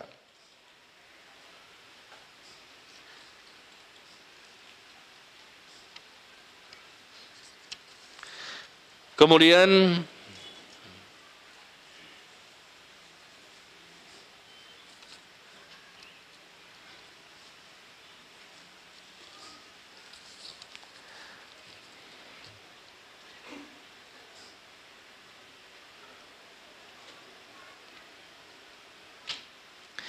Saya punya anak yang keras hatinya. Kalau dinasehati malah ingin pergi mau kos. Karena sudah kerja. Apa dibiarkan saja kos supaya saya tidak melihat atau menanggung kemaksiatannya? Hmm.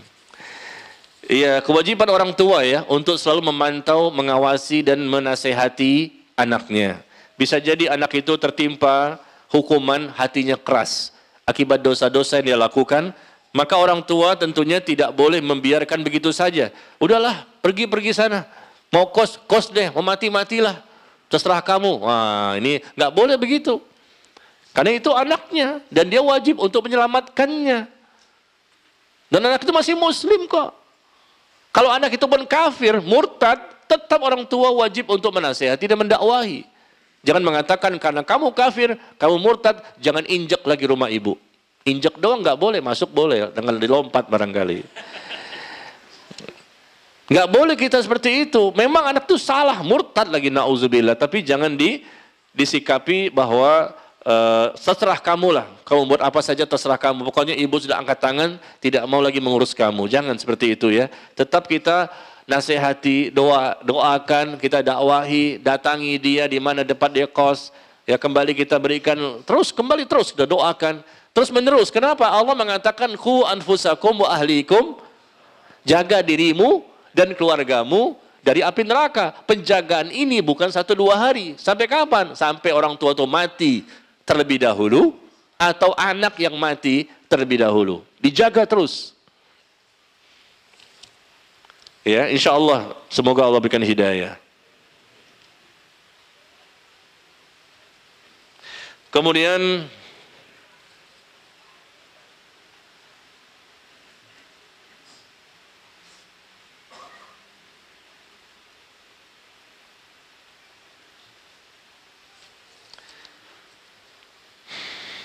Ustadz bila seseorang yang kita tahu bahwa ia mendapatkan hukuman Allah di dunia tetapi ia tidak menyadari dan sudah dinasehati. Bagaimana caranya agar ia mendapatkan ampunan Allah sedangkan ia tidak mencari hidayah. Iya, dia tidak mencari hidayah, membiarkan diri dalam perbuatan yang salah terus. Padahal kita tahu dia sedang dihukum ini. Bagaimana caranya? Ya sudah, nasihati, dakwahi, doakan. Ajak ke majelis ilmu seperti ini, ajak juga untuk ziarah kubur. Barangkali bisa lembut hatinya. Orang yang seperti ini karena hatinya keras. Orang yang dihukum tapi nggak sadar kalau dia sedang dihukum. Kenapa? Karena hatinya keras. Sehingga dia nggak tahu, nggak sadar kalau dia sedang dihukum. Termasuk penyakit ya. Penyakit yang kita derita, na'udzubillah. Ada orang yang berpenyakit. Mungkin sakit jantung, diabetes, asam urat, kolesterol, atau apa saja. Kena stroke, atau apa saja. Mungkin juga penyakit yang dia terima itu akibat dosa dia. Coba evaluasi. Karena penyakit-penyakit seperti itu kan juga akibat dari menyalahi syariat. Terlalu banyak makan, berlebihan. Akhirnya apa? Kolesterol. Terlalu banyak mengkonsumsi yang manis-manis. Akhirnya apa? Diabetes. Ya, terlalu banyak memikirkan masalah dunia sampai stres, akhirnya apa? Stroke. Nah itu kan kesalahan. Ya Allah dan Rasulnya menyuruh kita untuk makan tidak berlebihan, minum tidak berlebihan, dan jangan terlalu berlebihan dalam memikirkan kondisi dunia. Kalau berlebihan, stres berat, akhirnya apa? Bisa jadi nauzubillah tensi naik, tensi naik, akhirnya pecah pembuluh darah di otak. Itu terjadi di masyarakat, nauzubillah ya. Jadi dosa-dosa itu menyebabkan kerusakan di batin dan bisa juga kerusakan pada zohir manusia.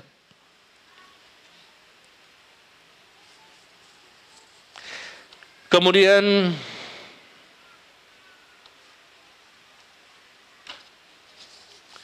saya baca yang sesuai tema dulu ya. Kalau kita menggibah tentang kejelekan suami, cerita itu kita sampaikan kepada anak yang tujuannya hanya untuk curhat. Dosa enggak ya? Ibu ini menceritakan aib suaminya kepada kepada anaknya. Begini, gibah itu nggak semuanya haram. Ada enam bentuk gibah yang diperbolehkan. Enam gibah yang diperbolehkan dan itu disebutkan oleh Al Imam An Nawawi dalam kitabnya Syarah Sahih Muslim. Ya, misalnya uh, seseorang ibu menyampaikan kepada saya, Pak Ustadz, suami saya itu begini, ya, saya minta solusinya, saya bingung, saya sudah coba berbagai macam cara, tidak ada jalan keluar suami saya masih ngeyel dan seterusnya begini dan begini. Suami suami saya itu adalah ini, orangnya ini, dia ini dan ini. Akhirnya saya tahu kan, wah ini aib suaminya. Suami saya itu berzina Pak Ustadz. Dia tuh nggak pernah sholat Pak Ustadz. Ini kan aib, tapi dicerita pada saya boleh nggak? Boleh. Kalau dia menceritakan kepada orang tertentu yang dia yakini orang tersebut memiliki ilmu untuk bisa memberikan solusi dan bisa menyimpan rahasia. Boleh. Bukan pada semua orang. Orang tertentu saja. Kenapa? Dia udah coba dengan berbagai macam cara mentok sana, mentok sini, nggak ada jalan keluar. Terpaksa dia cerita, itu boleh. Itu gibah, gibah juga tapi tidak haram. Diperbolehkan dalam rangka untuk mencari kemaslahatan. Atau misalnya di pengadilan ada hakim. Ya, di hakim kan ada terdakwa, ada saksi. Nah, saksi ini menceritakan tentang terdakwa. Dia bongkar semua, boleh enggak? Boleh, wajib. Kamu saksi pernah melihat dia begini? Iya. Coba ceritakan, dia ceritakan semuanya itu dalam rangka supaya hakim jelas duduk permasalahannya dan jelas memberikan hukuman kepada si terdakwa. Si saksi nggak boleh, maaf Pak Hakim ya, ini gibah nih. Ini maaf Pak Hakim, ini gibah nih, saya takut nih. Karena kemarin dibahas di eh, Taman Dialektika oleh Ustadz Ustadz saya itu, katanya nggak boleh itu. Nah, ini takut saya takut ada hukuman, ada fotokopiannya lagi loh Pak Hakim. ada fotokopiannya lagi. Saya takut mendapatkan hukuman Allah karena gibah. Bukan itu, itu boleh. Ya, karena apa? Karena memang kita posisinya sebagai saksi di pengadilan dan harus menceritakan semuanya supaya hakim nanti bisa memutuskan hukuman yang tepat bagi orang yang salah tadi. Ya, jadi itu boleh. Tapi sekarang ibu ceritakan kepada anak ada gak kemaslahatan di situ?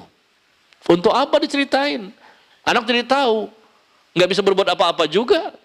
Bahkan anak semakin membenci bapaknya. Dengan sebab ibu menceritakan aib bapaknya. Ya, janganlah. Kecuali kalau memang anak itu ahli ilmu, dia berilmu dan bisa menyimpan rahasia. Misalnya mungkin dia seorang ustadz atau orang yang mendalami ilmu agama, barangkali begitu.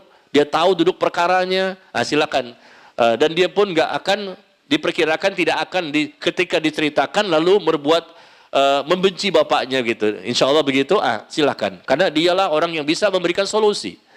Tapi kalau anaknya nggak berilmu, nggak bisa nyimpan rahasia, bahkan nanti dikhawatirkan semakin membenci bapaknya, ah ini nggak boleh, itu gibah. Ya, nggak boleh cerita kepada kepada anak.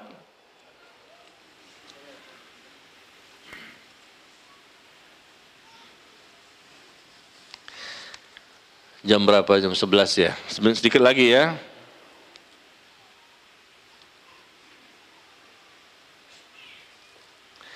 Duh, kalau panjang-panjang saya malas bacanya. Satu halaman full. Ini namanya curhat.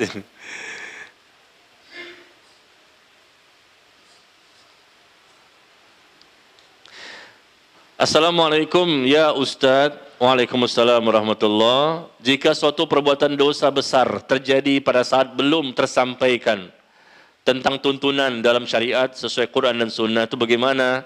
Ya bertobat saja. Ya masa lalu kita kan semua punya masa lalu ya.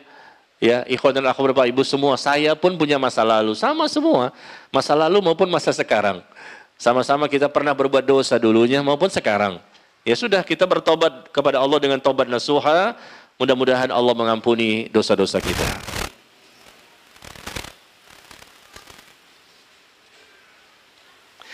Pak Ustaz saya mau menanyakan bagaimana kalau saya sebagai istri dan anak-anak memakan hasil dari riba. Harus seperti apa saya beritahu suami, tapi suami marah kalau saya kasih tahu. Ya wajib kasih tahu suaminya, nasihati suami, kasih artikelnya.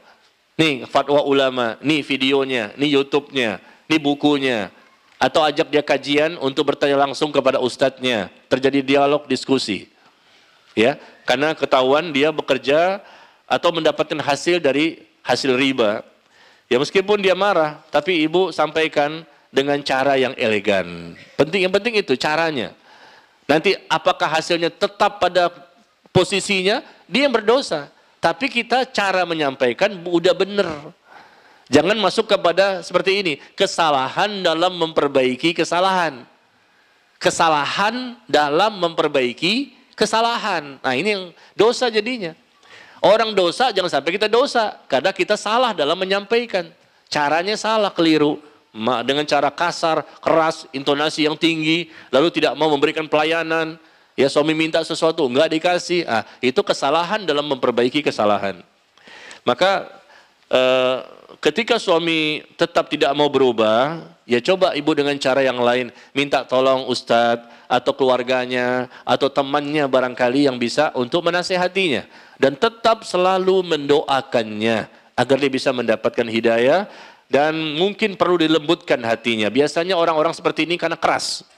Semua siapa pun yang melakukan dosa itu karena kerasnya hati. Tolong ya, digaris bawahi Siapa pun pelaku dosanya, kita juga termasuk. Ya, kalau kita melakukan dosa apa pun, bisa jadi pada saat itu hati kita lagi keras. Tapi kalau hati itu lembut, lembut maka mudah menjadi hati yang bersih. Hati yang bersih, kolbun salim, menjadikan hati itu akan mengajak, memerintahkan kepada seluruh anggota badan untuk menjauhi dosa. Hati itu ya adalah yang menjadi apa penentu. Orang itu menjadi baik atau tidak baik tergantung kepada hatinya. Menjadi maksiat atau istiqomah tergantung hatinya. Ya, maka hati itu kelihatan sekali kalau dia pelaku dosa maksiat, apalagi rutinitas dosanya banyak itu akibat dari hati. Coba ya, ajak untuk ziarah kubur, lembutkan hatinya. Ya, diusap kepala anak yatim atau uh, dengan cara apa saja yang bisa melembutkan hati seseorang. Biasanya ngeyel-ngeyel seperti ini karena hatinya keras sehingga sombong, egonya lebih didahulukan dan karena mungkin lebih banyak hartanya, lebih tinggi kedudukannya dan seterusnya ya. Ya namanya usaha, hidayah dari Allah bukan dari kita kan. Adapun tadi istri maupun anak-anaknya tidak berdosa karena mereka terpaksa memakan hasil nafkah riba. Ya, istri sama anak nggak berdosa karena nggak ada nggak ada nggak ada apa alternatif yang lain. Anaknya sekolah, belum bisa menghasilkan. Istri pun nggak bekerja, cuma di rumah aja. Nggak ada nggak ada juga bisa untuk mencari yang lain misalnya. Maka mereka tidak berdosa. Yang berdosa itu suaminya yang bekerja di situ dan langsung sebagai pihak pertama, tangan pertama yang mendapatkan ribanya.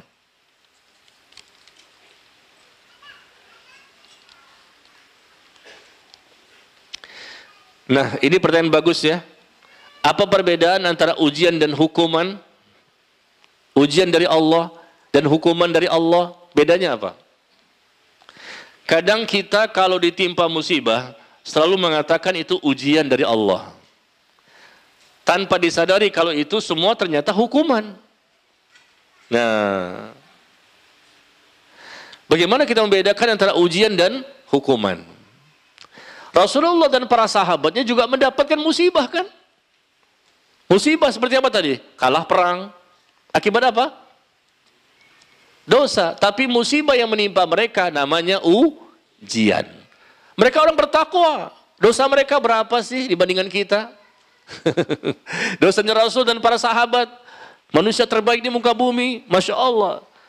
Dan ternyata mereka juga pernah mendapatkan musibah, pernah kalah perang, pernah ini, pernah itu, pernah ini, pernah itu. Tapi itu semua namanya ujian. Kenapa? Karena memang sebelumnya sudah bertakwa, orang bertakwa pasti dosanya sedikit. Sehingga ketika datang sesuatu uh, musibah, maka nilainya ujian. Adapun hukuman itu sebetulnya bagi siapa? Bagi orang kafir, jelas. Semua apa pun yang menimpa, keburukan-keburukan yang menimpa mereka, namanya hukuman. Bukan ujian. Nah, adapun yang menimpa orang bertakwa, namanya ujian. Nah, hukuman ini diberikan kepada siapa? Orang kafir dan orang munafik. Tiga klasifikasi manusia di muka bumi. Mukmin, munafik, kafir. Mukmin, munafik, kafir. Kafir dapat hukuman. Munafik dapat hukuman. Mukmin dapat ujian. Nah, itu bedanya. Ya, dan tinggal kembali kepada kita. Kita dari mana nih? Apakah termasuk orang kafir? Insya Allah tidak. Sampai mati tidak akan mungkin jadi orang kafir ya. Insya Allah. Tapi tinggal dua ini apakah munafik atau mukmin. Nah orang munafik ini siapa? Orang yang banyak dosanya. Yang tidak peduli kepada agamanya, tidak peduli kepada Allah sebagai penciptanya, nggak mau diatur hidup dan kehidupannya oleh Allah dan Rasulnya, hatinya keras, lebih condong kepada dunia daripada akhirat, males bawaannya, nah, cinta dunia yang berlebihan, itu orang munafik. Nah orang mukmin, orang mukmin yang betul-betul mukmin ya, bukan mukmin segera ngaku, saya mukmin Pak Ustadz. Eh, itu kan pengakuan. Betul-betul mukmin, insya Allah mereka dosanya sedikit. Orang mukmin yang bertakwa apalagi dosanya sedikit. Nah kalau mereka mendapatkan sesuatu keburukan, suatu hal yang tidak menyenangkan, insya Allah ini akibat dari ya akibat dari sesuatu yang mereka lakukan tapi sifatnya lebih condong kepada ujian ujian ya akibat uh, segala macam yang mereka lakukan. Mungkin bisa jadi tentunya mereka pernah berdosa pernah berdosa tapi dosa mereka sedikit. Dan lebih banyak musibah yang menimpa mereka bersifat ujian. Adapun hukuman yang lebih banyak menimpa tentunya kepada kafir maupun munafik. Ya sampai di sini barangkali uh, jam 11 sudah ya. Insyaallah mohon maaf masih ada hal pertanyaan lain yang belum bisa saya baca. Semoga bermanfaat dan tolong ya fotokopiannya diperbanyak dan diberikan kepada saudara kita, teman kita, orang tua kita ya, anak-anak kita semua agar mereka juga bisa mengetahui ilmunya, hukuman yang Allah berikan selama di dunia. Dikhawatirkan bisa jadi kita dan mereka termasuk yang sedang dihukum. Ya, karena apa? Karena banyaknya dosa yang kita lakukan selama di dunia dan maka bersegeralah kita bertaubat dengan taubat nasuha dan mudah-mudahan Allah mengampuni dosa-dosa kita. Wallahu a'lam bissawab. Ala Muhammad walhamdulillahi rabbil alamin. Subhanakallahumma wa bihamdika asyhadu an la ilaha illa anta astaghfiruka wa atubu ilaik. Wassalamualaikum warahmatullahi wabarakatuh.